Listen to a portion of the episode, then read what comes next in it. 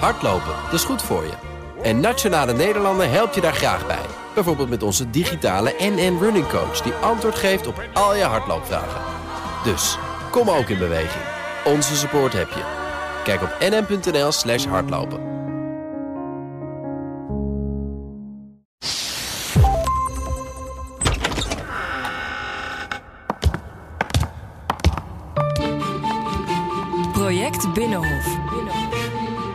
Met Sophie van Leeuwen en Laurens Boven. De wandelgangen. Weet je nog even het inlezen, Sophie? Uh, even over de NAVO, hè? Would you like some nice ISIS fighters? Treurige top in Londen. Uh, we maken ons toch wel grote zorgen over het failliet van de NAVO. Ook in Den Haag, en er is ook gedebatteerd deze week. Wij vinden dat we in bondgenootschappelijk kader stappen moeten uh, zetten. De D66-vleugel van de Tweede Kamer. We lopen door de krappe wandelgangen. Salima Belhai, dat is de buitenlandwoordvoerder. En daar hebben wij ook naartoe geproduceerd Hand en Broeke, oud-VVD-Kamerlid. En tegenwoordig directeur politieke zaken van het Haag Centrum voor Strategische Studies. Hallo, hallo. Hallo. Hallo. Salima Belhai. Ja, en dankjewel voor de gastvrijheid.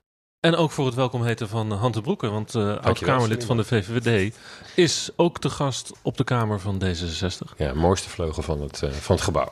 Ja, jullie zaten helemaal aan de andere kant. Wij, hè, bij echt, de... wij zaten, moet ik nu zeggen, echt uh, aan de andere kant. In de, wij van de VVD? In, wij van de VVD, in de oudbouw.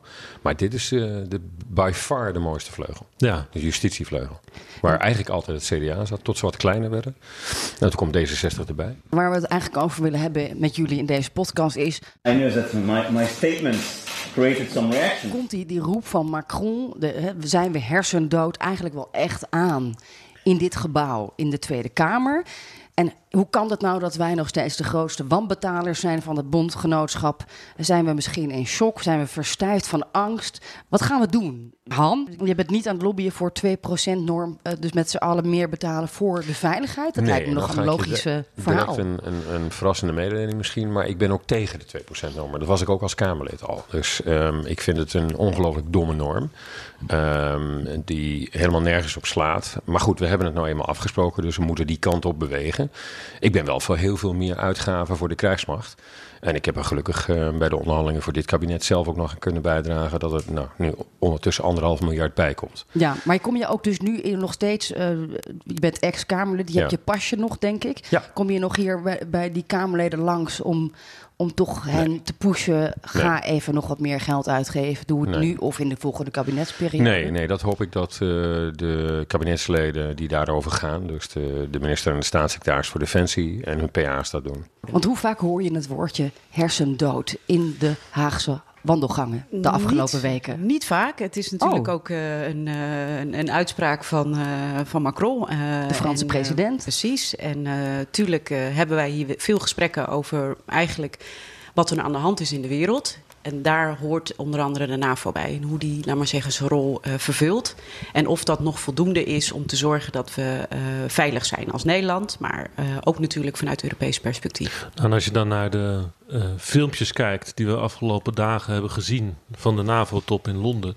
Ja, dan kun je daar toch wel als, aan gaan, gaan twijfelen. Dan kun je een beetje zorgen maken. Bijvoorbeeld dat ene shot op die borrel in Buckingham Palace, waar Macron, Johnson, Trudeau en uh, Mark Rutte samen met prinses Anne ja, gewoon een grapje staan te maken over Trump.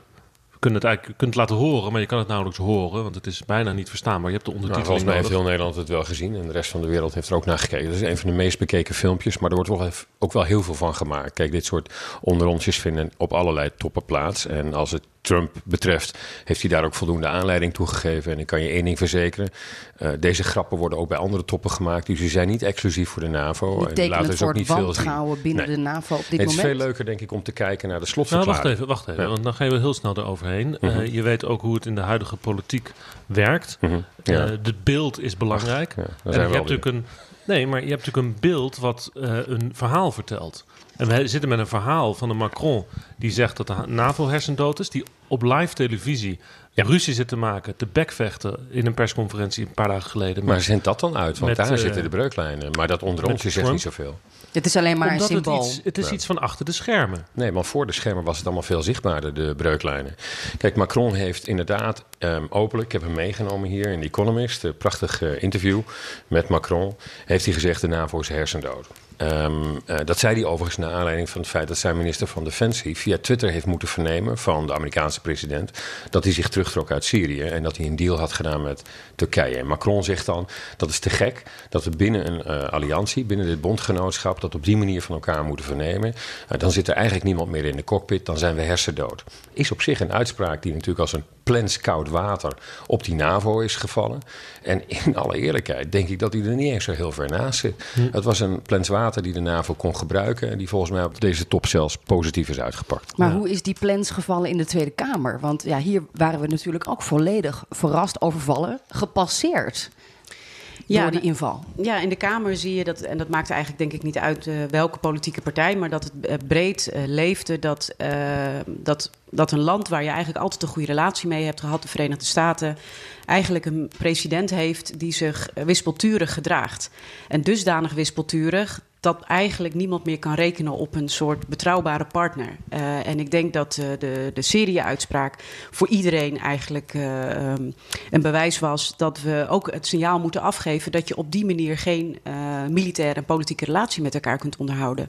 Het heeft gigantische consequenties gehad. Bij Buitenlandse Zaken heeft men erover gesproken, maar ook bij Defensie. De minister van Defensie heeft ook de opdracht gekregen om dat toch echt op haar eigen manier ook te adresseren. Want wat Ehm, gebeurt er dan op zo'n moment in de, in de Nederlandse politiek? Hè? Als wij worden overvallen door een Trump en, of, en een Erdogan. Wat, wat, wat wordt er dan in gang gezet? Nou, ik zie twee eh, bewegingen. Dat is ook wel interessant. Een soort eensgezindheid eh, natuurlijk. Omdat men eh, ook denkt van ja, we moeten uitstralen als Nederland... dat we dit als lid van de NAVO geen goede, geen goede manier vinden om het tot elkaar te verhouden. En je zet de boel op, op scherp. Eh, en het tweede wat je ziet is dat men ook heel erg gesprekken gaat voeren over van ja, maar in welke mate kunnen we nou nu nog alleen steunen op de NAVO als eh, onze Dus veiligheidspijler. dat besef is wel doorgedrongen de afgelopen weken. Zeker, je ziet het, en je ziet het ook als effect eh, voor de missie naar Hormuz. Daar heeft Nederland uiteindelijk gekozen om niet in te gaan op het verzoek van de Verenigde Staten om een bijdrage te leveren. Maar men heeft gekozen om aan te sluiten bij het verzoek van Macron, dus Frankrijk. En daarmee dus ook een Europese missie eh, bij voorkeur eh, te hebben om, eh, om op die manier controle te hebben over de politieke eh, koers die daar ook achter ligt. En dan bedoel ik de Iran. Ja, wat, wat, mij, gegaan, maar- wat mij ook opviel is dat D66 precies deze week een, een oud plan van jullie ehm, ehm, ja, weer opwarmde en weer retweette. Rob Jetten eh, vroeg even aandacht voor jullie voorstel om een Europees leger ehm, op te gaan richten. Dat is een, plan dat ligt al jaren, is, eh, of tijden geleden is dat al een keer gelanceerd. En Is precies geen deze steun week voor, volgens komt mij. het eh, weer op tafel. Waarom kiezen jullie zo'n week uit om dat dan weer onder Nou, in ik de het- etalage te zetten? Het is eigenlijk nog maar anderhalf jaar oud. En ik heb het zelf geschreven. Het is een initiatiefnota geweest. Omdat ik merkte dat we er heel vaak het erover hadden. Maar eigenlijk niemand nog het lef had gehad om te zeggen... hoe zou dat eruit kunnen komen te zien. Ja, maar waarom zetten jullie het precies deze week dan weer in de etalage? Nou ja, omdat, eh, kijk, eh, de discussie is natuurlijk in welke mate de NAVO afdoende is om een bepaalde mate van veiligheid te organiseren. En wij vinden dat de NAVO heel belangrijk is, echt een goede rol heeft, maar tegelijkertijd dat we vanuit Europees perspectief ook moeten zorgen dat we militair gezien een rol kunnen spelen in al die geopolitieke ontwikkelingen die er zijn. Maar als je dat juist in deze week in de etalage zet, in een week dat we een hele merkwaardige NAVO-top zien, allemaal op de televisie, ehm, dan, dan onderstreep je eigenlijk dat, het, dat de NAVO klaar is. En die gaat dus niet proberen te redden wat er te redden is bij de NAVO, maar er komt een regeringspartij in Nederland, belangrijke partij, die, die zet met al die beelden in het achterhoofd, die we deze dagen ook zien, we moeten eigenlijk af van de NAVO. Ja, ik zie dat toch anders. Ik merk dat, dat, dat het elke keer eh, gekoppeld wordt aan elkaar. Wij zeggen de NAVO is belangrijk, die moeten we overeind houden. En dan moeten we ook met elkaar knokken en af en toe ook ruzie maken. Dat hoort er ook bij. Dat is niet iets alleen van deze tijd. Dat is, zou je kunnen zeggen, sinds een oprichting gewoon onderdeel van, eh, van hoe we met elkaar omgaan. Maar tegelijkertijd, als mensen zich afvragen, maar als we uh, niet meer alleen afhankelijk willen zijn van Amerikanen, wat is dan, de, wat is dan het alternatief? En dan moet je dus ook durven zeggen, als je dus een politieke unie hebt, zoals Europa, dat daar dus ook militaire, uh, nou ja, militaire ja. krijgsmacht aan verbonden Precies moet worden. Precies in een week dat dat heel zichtbaar is... wordt dus. En mij viel op dat uh, Rob Jette had dat tweetje nog niet verstuurd met jullie oude plan. En, en binnen een paar minuten stond daar een vinnige reactie van uh, Hand en Broek onder. Nou, laat ik eerst iets anders zeggen. Het, het is, kijk, D66 roept dat inderdaad al heel erg lang. Maar het is Salima Belhaai geweest die er voor het eerst inhoud aan heeft gegeven. Dus uh, zij verdient daarvoor een compliment. Dat heb ik haar in het verleden ook vaak genoeg gegeven. Want nu weten we eindelijk wat D66 bedoelt met die kreet. En ik denk dat Salima misschien wel weet wat het wat ze daarmee bedoelt. Maar ik heb grote twijfel of Rob Jette dat ook snapt. Nou. Kijk, het is bij, um, uh, bij dat Europese leger... is het helaas zo dat we niet zoveel verder komen... dan voortdurend blijven um, in, in een soort conceptie van... wat is dan dat Europees leger? Nou, in de initiatiefnoten van Salima staat voor het eerst wat ze daaronder verstaat. Ik heb daar grote kritiek op, dat weet ze ook. Um, ik heb, ik heb kort, hem ook gewoon goed gelezen. Um, D60 maakt daar in ieder geval de stap, de beweging. Daar heb ik ook Jette in die tweet mee gecomplimenteerd. Dat ze zeggen van oké, okay, maar dat Europese initiatief van ons, dat moet in elk geval binnen de NAVO gestalte krijgen. Nou, dat is vooruitgang, want dat werd in het verleden um, uh, werd altijd gesuggereerd dat het buiten de NAVO moest gebeuren. Alleen vraag ik me dan wel af, ja, waarom dan nog een uh, defensiecommissie in het Europees Parlement? Nou, wat hebben die er dan, dan nog mee te maken? Want op het moment dat je het Europees Parlement daarbij inschakelt, de Europese volksvertegenwoordiging zullen we maar even zeggen, dan heb je dus een defensiecommissie in het Europees Parlement. Je hebt een defensiecommissie in de verschillende EU-lidstaten, die ook NAVO-lidstaten kunnen zijn. Nou, laten we eens een NAVO-lidstaat nemen, Nederland bijvoorbeeld. Er zit de, de defensiecommissie waar ik zelf voorzitter van was, waar Salima in zit. En die moeten ook nog eens een keer binnen de NAVO hun werk doen. Dus alleen al op parlementair niveau heb je dan een soort ja, totale um, brei aan politieke verantwoordelijkheden die dwars door elkaar lopen van een civiele organisatie, ja. de EU, nou, en, een, en, Maar- en een militaire organisatie. Dus dat werkt niet. Waarom reageer jij op die tweet? Om, omdat ik zo moe word van dat het in Nederland, en daarom is het goed dat we deze podcast misschien nu hebben, en wellicht dat hij daar wat aan kan bijdragen, dat in Nederland het debat nooit verder komt dan een Europees leger. Heel een paar dingen. Macron is helemaal niet voor een Europees leger. Macron is voor een, wat we noemen intergouvernementaire samenwerking van Europese landen. Om vooral Franse belangen eh, te behartigen. Bijvoorbeeld een interventiemacht in Afrikaanse landen. Het zou het liefst hebben dat we op dit moment dat in Tjaad zouden doen. En de Franse wapenindustrie natuurlijk te Nou, spekken. laat die wapenindustrie er even buiten, want dan vermengen we van alles met elkaar. Daar hebben ze net een hele mooie afspraak met de Duitsers over gemaakt. Die zouden wij moeten volgen. Ehm, eh, maar als het gaat om, eh, zeg maar even puur het uitsturen van soldaten. Hè, want dat is de kern ook van die soevereiniteitsvraag die iedereen zo zenuwachtig maakt. Nou, Macron is niet voor een Europees leger. Eh, Macron is voor Europese landen die samenwerken ehm, eh, zonder, eventueel zonder de Amerikanen. Eh, maar dat is geen Europees leger. Dat is een Europese interventiemacht die op, ja, op toerbeurt... Bij, die hebben we al. Dat is de, ehm, daar hebben we, de, de, ehm, eh, hebben we in Europa al iets voor opgericht. Daar hebben we de EU battlegroups voor. Die zijn nooit ingezet. Ja, één keer om verkiezingsbussen uit te delen en wat tenten eh, bij een overstroming.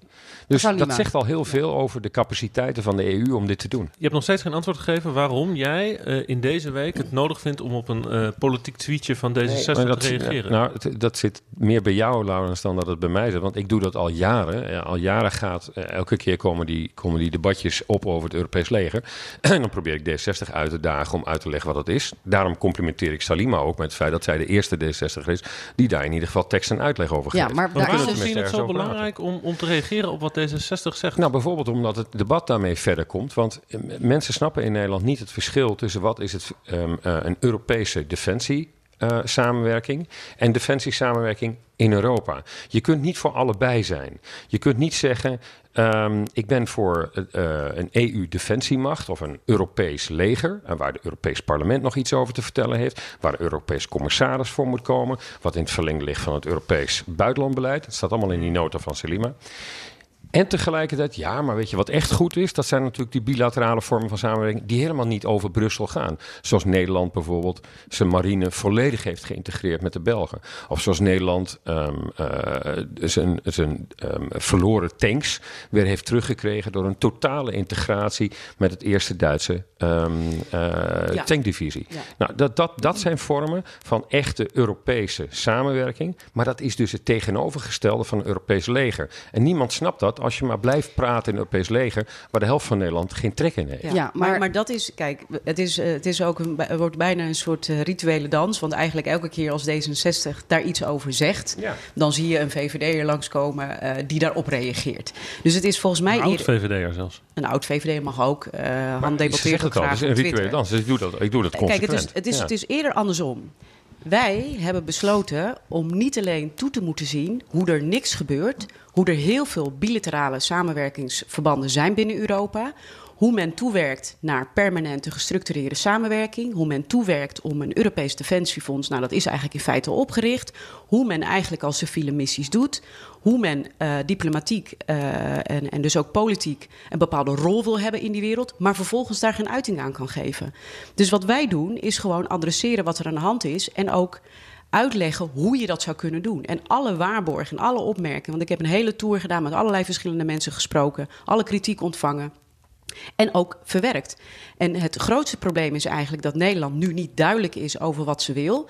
Terwijl Duitsland wel duidelijk is, Frankrijk wel heel erg duidelijk is.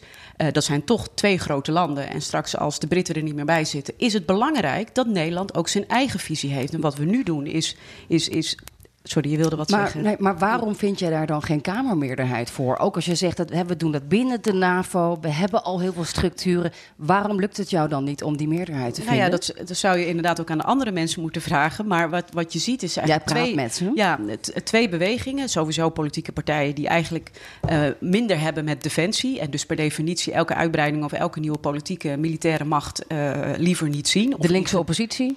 Precies. Ja? Uh, en rechtse partijen die heel erg benadrukken: nee, nee, nee, want we zijn voor de NAVO. En, wat ik eigenlijk en we zijn tegen Europa of zoiets. Ja, en een soort angst hebben van ja, maar dan verliezen we onze soevereiniteit. Maar dat is ook onzin. Dat heb ik ook goed uitgezocht. Dat heeft ook het, uh, het kabinet ooit in 2012 ook al zelf gezegd. Het zorgen voor je eigen veiligheid. Ook dat ze tegen Europees leger waren.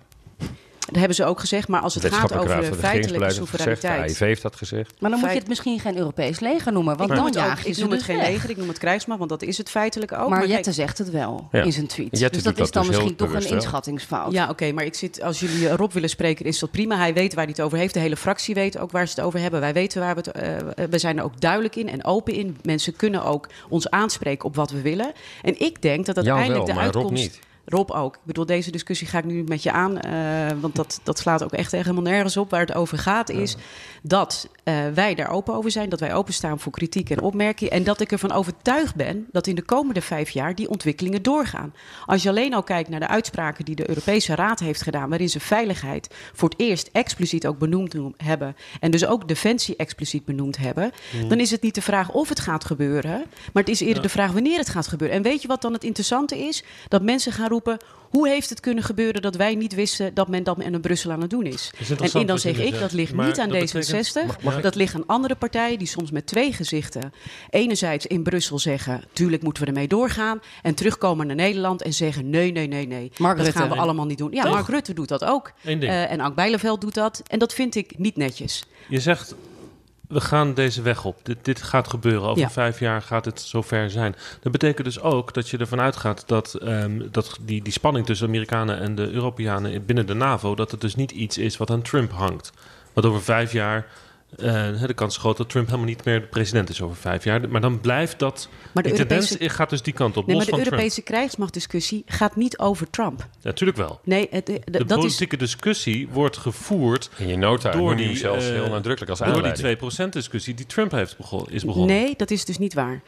Wat ik heb gezegd is, er zijn ontwikkelingen in de wereld dusdanig dat er een extra urgentie is dat we binnen Nederland een gesprek Ja, moeten hebben misschien over waar niet- we onze veiligheid Oh ja, willen waarborgen. sure. Misschien dan niet voor D66, maar voor de, voor de regeringsleiders, voor Merkel, voor Macron, voor Rutte. Tuurlijk. Is de, het risico wat Trump creëert door de, de, de indruk te wekken dat hij Europa niet wil verdedigen, als je niet meer dan 2% van je geld uitgeeft aan defensie, eh, is reëel.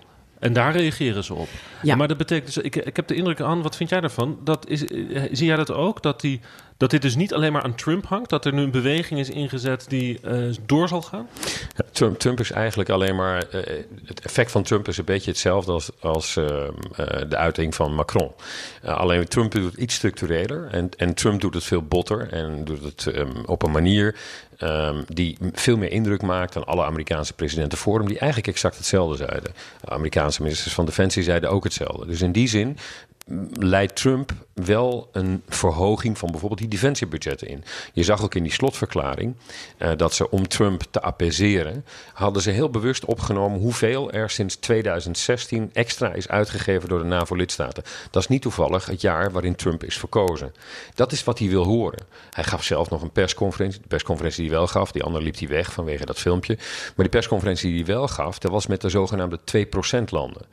Nou, ehm, dat die 2% pas in 2024 behoeft te worden eh, behaald. En hij al die andere landen die er nog niet aan zitten ook als delinquenten neerzet, is weer typisch Trump.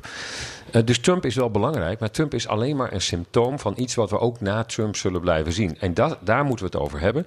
En dat is, kan Europa zijn eigen continentale veiligheidsbelangen zo formuleren dat we daar meer kunnen doen. Kunnen we onze eigen veiligheidsbroek ophouden? Want Amerikanen zijn weg. Pax Americana is verdwenen in onze omgeving. En daardoor zitten we voortdurend met z'n allen in de problemen. Of het nou Turkije is, of Libië, of Tunesië, of Wit-Rusland. Maar dan wil je Voortdurend dus- in problemen. Eigenlijk moeten we Trump gewoon bedanken. Net als dat we de Britten kunnen bedanken. Dat de Europese eh, integratie misschien sneller zal gaan. Nou, die brexit is een zegen voor, het, voor de gedachtevorming of de, de explicitering, ook onder Nederlanders, dat dit misschien eh, niet helemaal is wat wij zelf zouden moeten willen. Maar dat is natuurlijk een beetje een, een ongerijmde manier om de steun voor de Europese Unie te vergroten. Dat je moet hopen dat er een land uitstapt. Dat doe ik niet. En eh, ik vind Trump. ehm, eh, dus je een bent niet dankbaar voor, de, die- voor Trump en de Brexit. Nee, Tr- Trump erodeert alles waar, eh, waar Nederland voor staat, inclusief ook de veiligheidsbelangen. Maar punt is alleen dit: als je wilt dat je op Europees niveau meer samenwerkt, dat wil ik ook. Ik ben voor een Europese pijler binnen de NAVO. Dat vind ik al heel lang. Nou, dat vond Kennedy al eh, in begin jaren 60. Daar zouden we meer aan moeten doen. Dan moet je dus ook daar consequenties aan verbinden. Wat betekent dat? Wat betekent dat voor een Europees defensiefonds? Dan betekent dat dat je niet in Nederland een alleingang kunt doen op export eh, bijvoorbeeld. Dat, dat doet D66. Daar is, ligt een andere initiatiefnota voor. Dus waar is dan de Europese gedachte die leidt tot die Europese krijgsmacht? Als je hem daar al onderuit Ja. haalt. Even- en zo kan ik nog wel meer voorbeelden geven. Even eh, naar de kern van deze podcast. Hè. Die, Mhm. gaat over hoe functioneert de Haagse macht. Ja. Je vertelt dit nu, eh, dit, dit betoog. Hoe plant jij dat zaadje bij de mensen die jij spreekt? Bij Mark Rutte, bij de mensen op het ministerie van Buitenlandse Zaken? Want die spreek je allemaal Ja. vanuit jouw functie. Eh, niet alleen vanuit deze functie, maar in het verleden natuurlijk ook. Eh, Ik bedoel, we zitten hier nu in de kamer van Salima. Eh, een paar kamers verderop zaten we twee zomers geleden of drie zomers geleden. Dat was het over het regeerakkoord te onderhandelen. Nou, daar, komt dan, da- daar wordt dan gesteggeld tussen bijvoorbeeld de woordvoerder van D66 en de andere woordvoerders over hoeveel er in die paragraaf moet komen over Europees, ehm, eh, Europees beleid of een Europese inkleuring van je Nee, defensieinspanningen. maar ik bedoel nu eventjes je, je, je analyse die je net Ja. geeft. Hè. Je bent nu van een politieke denktank hier in Den Haag. Je, je, je speelt een rol in dat denkproces Zeker. achter de schermen. Ja. In de ministeries, Nou bij, ja, kijk, bij hier- partijen. Zie je het bewegen en welke invloed heb je op dit maar moment? kijk, in, op, eh, eh, op de niveaus waar gedacht wordt over militaire eh, toekomst en eh, buitenlandse ehm, eh, internationale veiligheid en samenwerking, is helemaal niemand te vinden eh, die eh, voor een Europees leger is. Echt helemaal Dat niemand. is dus echt niet waar. Nou, dan mag dat je is één dus naam noemen. alle krantenartikelen Nou, noem maar eens één naam. recent Noem eens één naam. opslaan. Ik ga nu geen Zelfs binnen je eigen partij, Herman Schaper, in het verleden Hans is ook toch ook mensen die verantwoordelijkheid hebben gedragen, Dit waren is gewoon echt tegen. zo vervelend, want volgens mij proberen jullie een podcast te maken om gewoon op metaniveau erover te praten. Nou, dat wil ik ook graag. Ik heb maar geen zin in een politiek debat, want ik zit hier niet naast een politicus. Ik vind dat echt belangrijk. Ik vind het ook belangrijk om niet aan D66 bestjes te doen. Ik sta voor de Europese krijgsmacht. Ik heb daar goed over nagedacht. Ik vind het echt belangrijk dat we daar een gesprek over voeren in Nederland. Niet alleen in de Kamer, omdat vervolgens anders de samenleving er niks meer van snapt. Fijn, ik wat wil er allemaal in Brussel voeren, gebeurt. ook op inhoud. Wat er in Brussel, dus laat me even uitpraten, wat er in Brussel gebeurt. De belangrijkste reden voor mij om die nota te schrijven was de discussie over de Brexit. Ik dacht, alle politici die pro-Europa zijn, hebben een verantwoordelijkheid om echt actief iets neer te leggen en het gesprek aan te gaan en ook het aan te durven om rekening te houden met de gevoelens die er zijn. Maar ik wil, ik wil het, ja. ik wil het ook graag van jou weten, wat ik ook aan, aan Han vroeg. Van, eh, bedoel, we zien de politieke debatten, hè, die, de, de, die kan iedereen volgen. Er zit een laag onder in de Nederlandse politiek in hoe dit gebouw en de ministeries uh, functioneren. Hoe beïnvloed jij die discussie uh, als je het hebt, want je deelt denk ik wat Han zegt over de risico's van de lange termijn voor de Europese defensie. Dus hoe vindt dat, de, dat debat hier in, in, in, de Haagse kaastol plaats? Het gesprek over de Europese krijgsmacht heeft hier plaatsgevonden. En het gesprek vindt ook plaats over de NAVO. Dat, zij, dat is via Buitenlandse Zaken en Defensie. Maar zit er een verschil in tussen wat er in de debatten gebeurt, wat mensen formeel zeggen, en wat, ze, denk, wat er dieper in de ministeries gebeurt? Dat weet ik niet. Ik denk wel dat je als Kamerlid, daarom heb ik ook gekozen om een initiatiefnota te schrijven en niet bijvoorbeeld moties te schrijven of verzoeken te doen. Want op een gegeven moment moet gewoon eh, mensen weten van wat wil je nou politiek. Dus ik denk dat dat invloed heeft gehad. Ik krijg ook heel veel mensen die naar me toe komen, die er gesprekken over voeren. Mensen die het met me eens zijn, mensen die het niet met me eens zijn. Dus op allerlei manieren kun je invloed uitoefenen door als politicus iets neer te leggen. Uh, er zijn ook andere politici, die hebben het met de koopvaardijwet gedaan. Dat is ook, denk ik, een van de taken van, van Kamerleden om ook iets neer te leggen en dan te kijken van hé, hey, wie gaat er allemaal op reageren? En dat beïnvloedt je natuurlijk een ministerie van Defensie. En natuurlijk zitten daar nu ook mensen die het eigenlijk ook al altijd vonden en zeiden: oké nu kunnen we ook een keer iets aangeven wat we ervan vinden. Dat beweegt constant. Maar, maar dat doe ik dus ook. Hè. Kijk, ik, het liefst heb ik het over die initiatiefnota. Dan staan een paar dingen in uh, die inhoud geven aan wat tot nu toe cretologie was. Namelijk een Europees leger. Wat bedoelen we daarmee? Nou, het is heel simpel. In, ik zie niet, met alle kennis die ik heb en met alle mensen die ik erover heb gesproken en alles wat ik erover lees, hoe je bijvoorbeeld um, uh, Europese defensiesamenwerking buiten die NAVO kunt vormgeven, omdat die, dan, dat leidt tot duplicatie.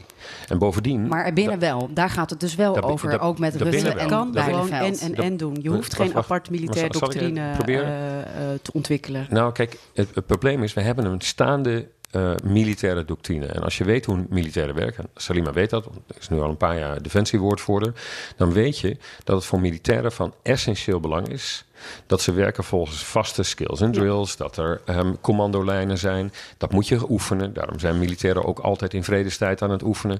Um, dat doet de NAVO dus al 70 jaar. Dat doet zij succesvol. Er zijn wel crises in de NAVO geweest. Daar zitten we nu ook weer in. Komt de NAVO meestal beter uit.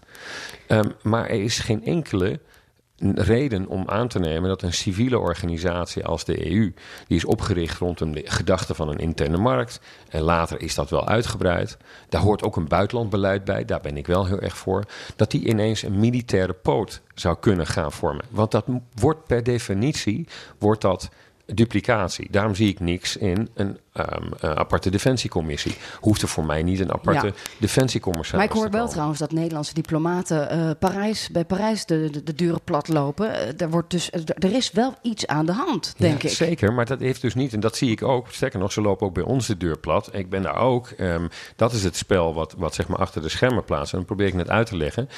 Uh, dat, is, gaat niet, dat tendeert niet naar een Europees leger, waarbij je bij handopsteken straks een Europees parlement uh, een missie ziet uitsturen waar ook Nederlandse soldaten onderdeel maar van naar zijn. de aankoop van Franse onderzeeërs? Of waar gaat het over? Nee, dan wordt het direct heel Maar misschien mag ik nog even één, één belangrijk misverstand uit de weg helpen. Ja. De NAVO en de Europese Unie hebben met elkaar ook een overeenkomst gesloten. Zeker. Dat ze meer willen samenwerken, dat ze hetzelfde doctrine willen hanteren. Dus de, de duplicatie is helemaal geen, geen discussie. En de discussie. NAVO is, is ook gewoon een goede gesprekspartner voor de Europese Unie. En als je voor een integraal buitenland- en veiligheidsbeleid bent vanuit Europa of de Europese Unie, dan moet dat dus ook een militaire uh, commitment met zich meebrengen. Anders is dat niks waard. En daarom verwees ik net naar de missie van Hormuz, want dat is eigenlijk een mooi voorbeeld waarom ik zei van het gaat toch wel gebeuren.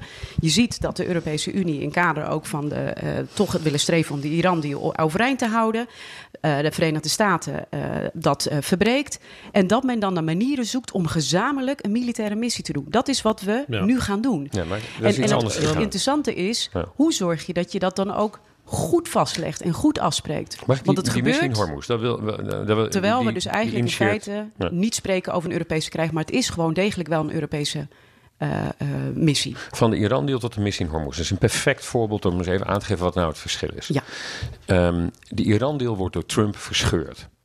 Op dat moment wordt dus um, uh, de veiligheid die we dachten te kopen, ehm, eh, we dachten daarmee Iran te kunnen afhouden van een bom. Ehm, eh, die wordt ehm, op het spel gezet. Ehm, wat doen de Amerikanen dan vervolgens? De Amerikanen zeggen: onze wij verscheuren die deal.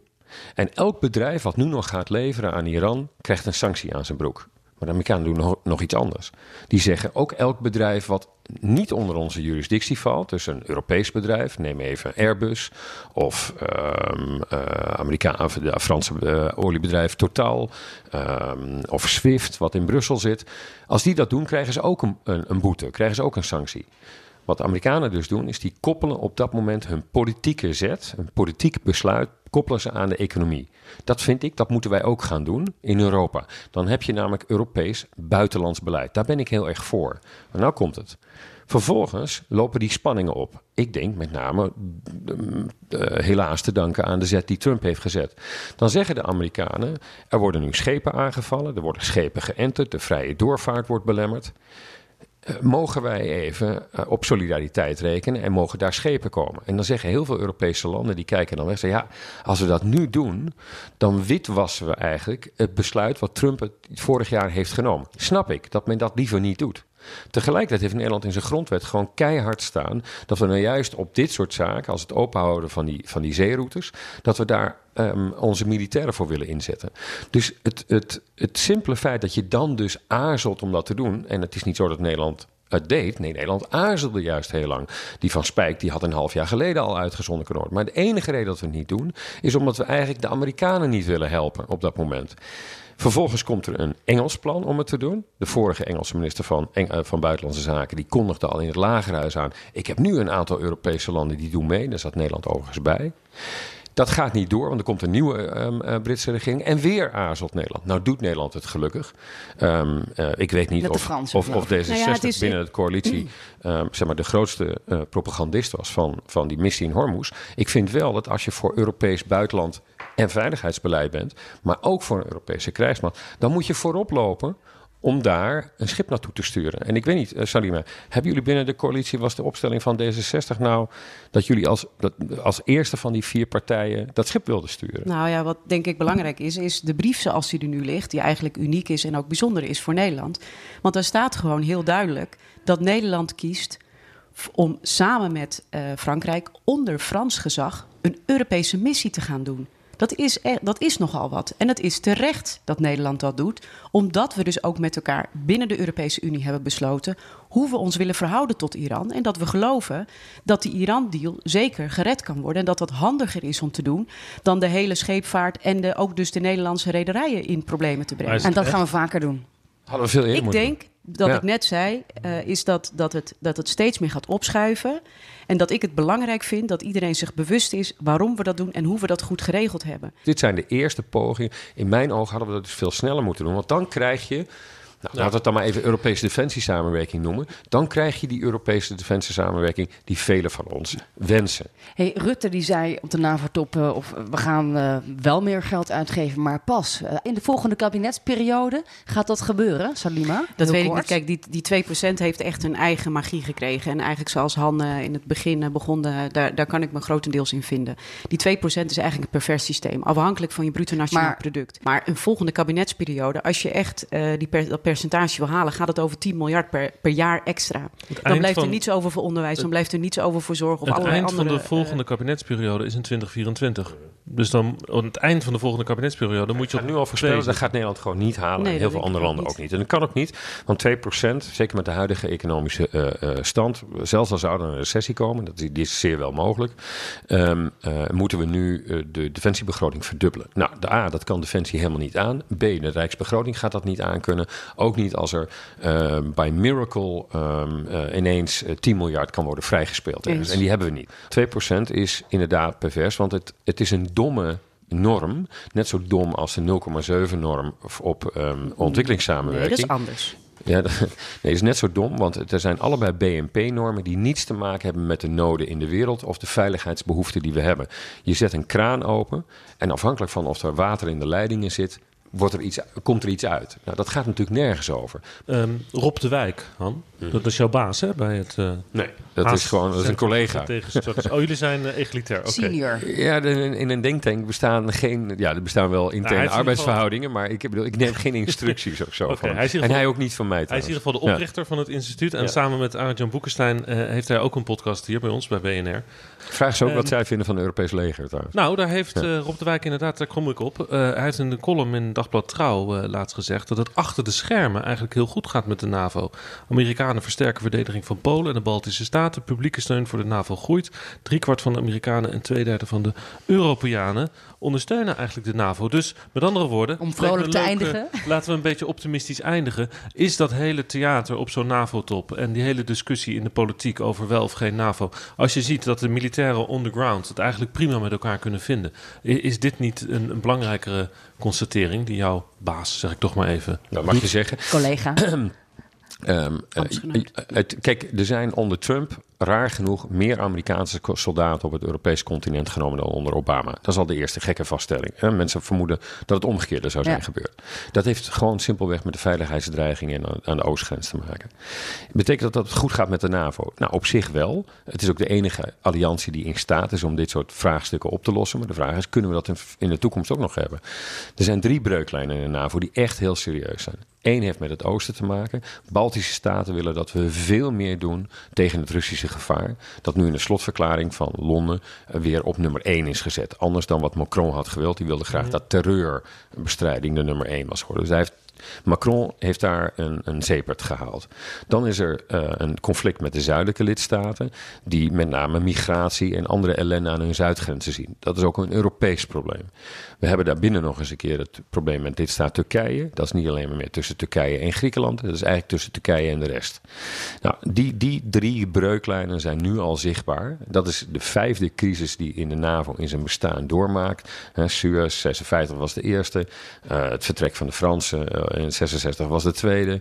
Eh, begin jaren 80 eh, de Hollanditis. Daar hebben we zelf nog een bijdrage aan geleverd. Dat was de derde kernwapen, plaatsen of niet. En daarna eigenlijk het optreden van de NAVO buiten de eigen verdragsgebied. Afghanistan als mooiste voorbeeld daarvan. Heeft, heeft ook, daar zijn we ook van aan het terugkomen. Nu moeten we de NAVO op een andere leesgroei. Daar moet meer Europees gebeuren. Maar binnen de NAVO, zegt ook Rob. Salima, laatste woord Nou, is volgens eh, mij voor moeten jou. we niet vergeten dat de NAVO een feestje viert. Het bestaat 70 jaar, dat is ongelooflijk knap. Met zoveel verschillende landen, met zoveel eh, eh, ontwikkelingen in het verleden, maar ook in het heden. Dat moet gewoon blijven bestaan. En we moeten onszelf opnieuw definiëren Ja. naar en zolang de. Amerikaanse troepen aan de oostgrens staan, zolang de militairen samenwerken, is de, is de bende niet hersendood. Nee, ik denk dat hij niet hersendood is. Ik denk wel dat het goed is dat het af en toe eh, schuurt. Eh, wrijving geeft ook glans. Dat is ook eh, dat is een goede zaak. En tegelijkertijd denk ik parallel, zonder de NAVO te hoeven ondermijnen, dat het gezond is om als Europa, als Europese Unie ook na te denken over je eigen veiligheid. En hoe je invulling wil geven aan je integrale buitenland- en veiligheidsbeleid. We sluiten deze week weer af met de week van Kees. Naar aanleiding van het nieuws rondom Klaas Dijkhoff was hij op de koffie bij Serv Wiemers, de baas van Transparency International Nederland. Over wachtgeld in de Tweede Kamer. Onze stagiair, Tot volgende week. Kees Verhoog. De week van Kees. Of was het de week van Klaas? De zoveelste VVD'er die zijn bonnetjes niet meer kon vinden. Toeval of niet, Kamervoorzitter Ariep kwam deze week met een nieuwe gedragscode voor Tweede Kamerleden. Ik ga langs bij Ser Wiemers, directeur van Transparency International Nederland. En ik bevraag hem over integriteit in de Nederlandse politiek. Goedemiddag. Hey, hallo Kees, Eh, kom binnen. Ser Wiemers, voorheen onder andere diplomaat in China en verkiezingswaarnemer in Oost-Europa. De bestaande integriteitsregels deze week gebundeld en aangescherpt tot een nieuwe gedragscode. Blij mee? Nou, het is wel een eh, stap in de goede richting. Wij hebben in Nederland een register, maar dat is een vrijwillig register. En bijvoorbeeld eh, de mensen van Forum voor Democratie, Thierry Baudet, eh, vullen daar helemaal niets in. Eh, maar ook Alexander Pechtold, twee jaar geleden, had zijn appartement ook daar niet ingevuld. Dat is natuurlijk slecht. Daardoor ontstaat er wantrouwen in de politiek. En het argument van ja, maar dit was een privégift, dat geldt natuurlijk niet. Dit zijn mensen met een publieke positie. Het zijn mensen met macht. En eh, hoe hoger eh, mensen in de, in de hiërarchie zitten, dus om te zeggen hoe groter hun macht, hoe strenger ook ze gecontroleerd moeten worden. En hoe strengere normen ze voor zichzelf zouden moeten hebben op het gebied van integriteit. En wat gaat er nu veranderen? Uh, er is een gedragscode gekomen en die is inderdaad gekomen op aandringen van de Raad van Europa, die, die Greco-organisatie. Um, maar eigenlijk gebeurt er nog te weinig. Wat nu gezegd is, is dat ook als er sprake is van de schijn van belangenverstrengeling, uh, dat dan uh, dat gemeld moet worden. Een geschenk of een aangeboden reis of een andere uh, nevenactiviteit. Maar ja, dat is natuurlijk echt heel simpel niveau. Natuurlijk moet je bij de schijn van belangenverstrengeling iets melden. Natuurlijk niet alleen maar bij belangenverstrengeling zelf, want dan is het natuurlijk al te laat. Dus per definitie moet het te schijn zijn. Dus dit wordt gemeld als een grote stap voorwaarts. Het is echt maar een muizenstapje voorwaarts. Er moet een onafhankelijk toezichthouder komen uh, binnen de Tweede Kamer, maar wel onafhankelijk. Die gaat kijken of al deze registers op een goede manier worden ingevuld. Want het kan niet zo zijn dat de slager zijn eigen vlees keurt. En je bent ook Indianoloog. Uh, vorig jaar verscheen van jouw hand het boek Veerkracht over Indianen in de moderne tijd. Wat kunnen we dan leren van de Indianen? Uh, nou ja, een essentieel element wat wij kunnen leren van de Indiaanse cultuur is het ethisch leiderschap. Leiders worden niet uh, uh, zomaar gekozen, maar komen naar voren op basis van de ethische kwaliteiten. En uh, voor datzelfde boek, Veerkracht, Indianen van nu over de wereld van morgen, heb ik bijvoorbeeld oude documenten gezien van Nederlanders die in de 17e eeuw in contact waren met Indianen in de buurt van het huidige New York, toen Nieuw Amsterdam. en die Nederlanders waren al verbaasd over dat uh, bij de Indianen geen corruptie voorkwam uh, en in Nederland dat het gewoon normaal was. Dus daar kan je al zien dat er toch iets is van verschil tussen de Indiaanse cultuur en de cultuur die wij uh, gewend zijn. Hartstikke bedankt. Oké, okay, graag gedaan.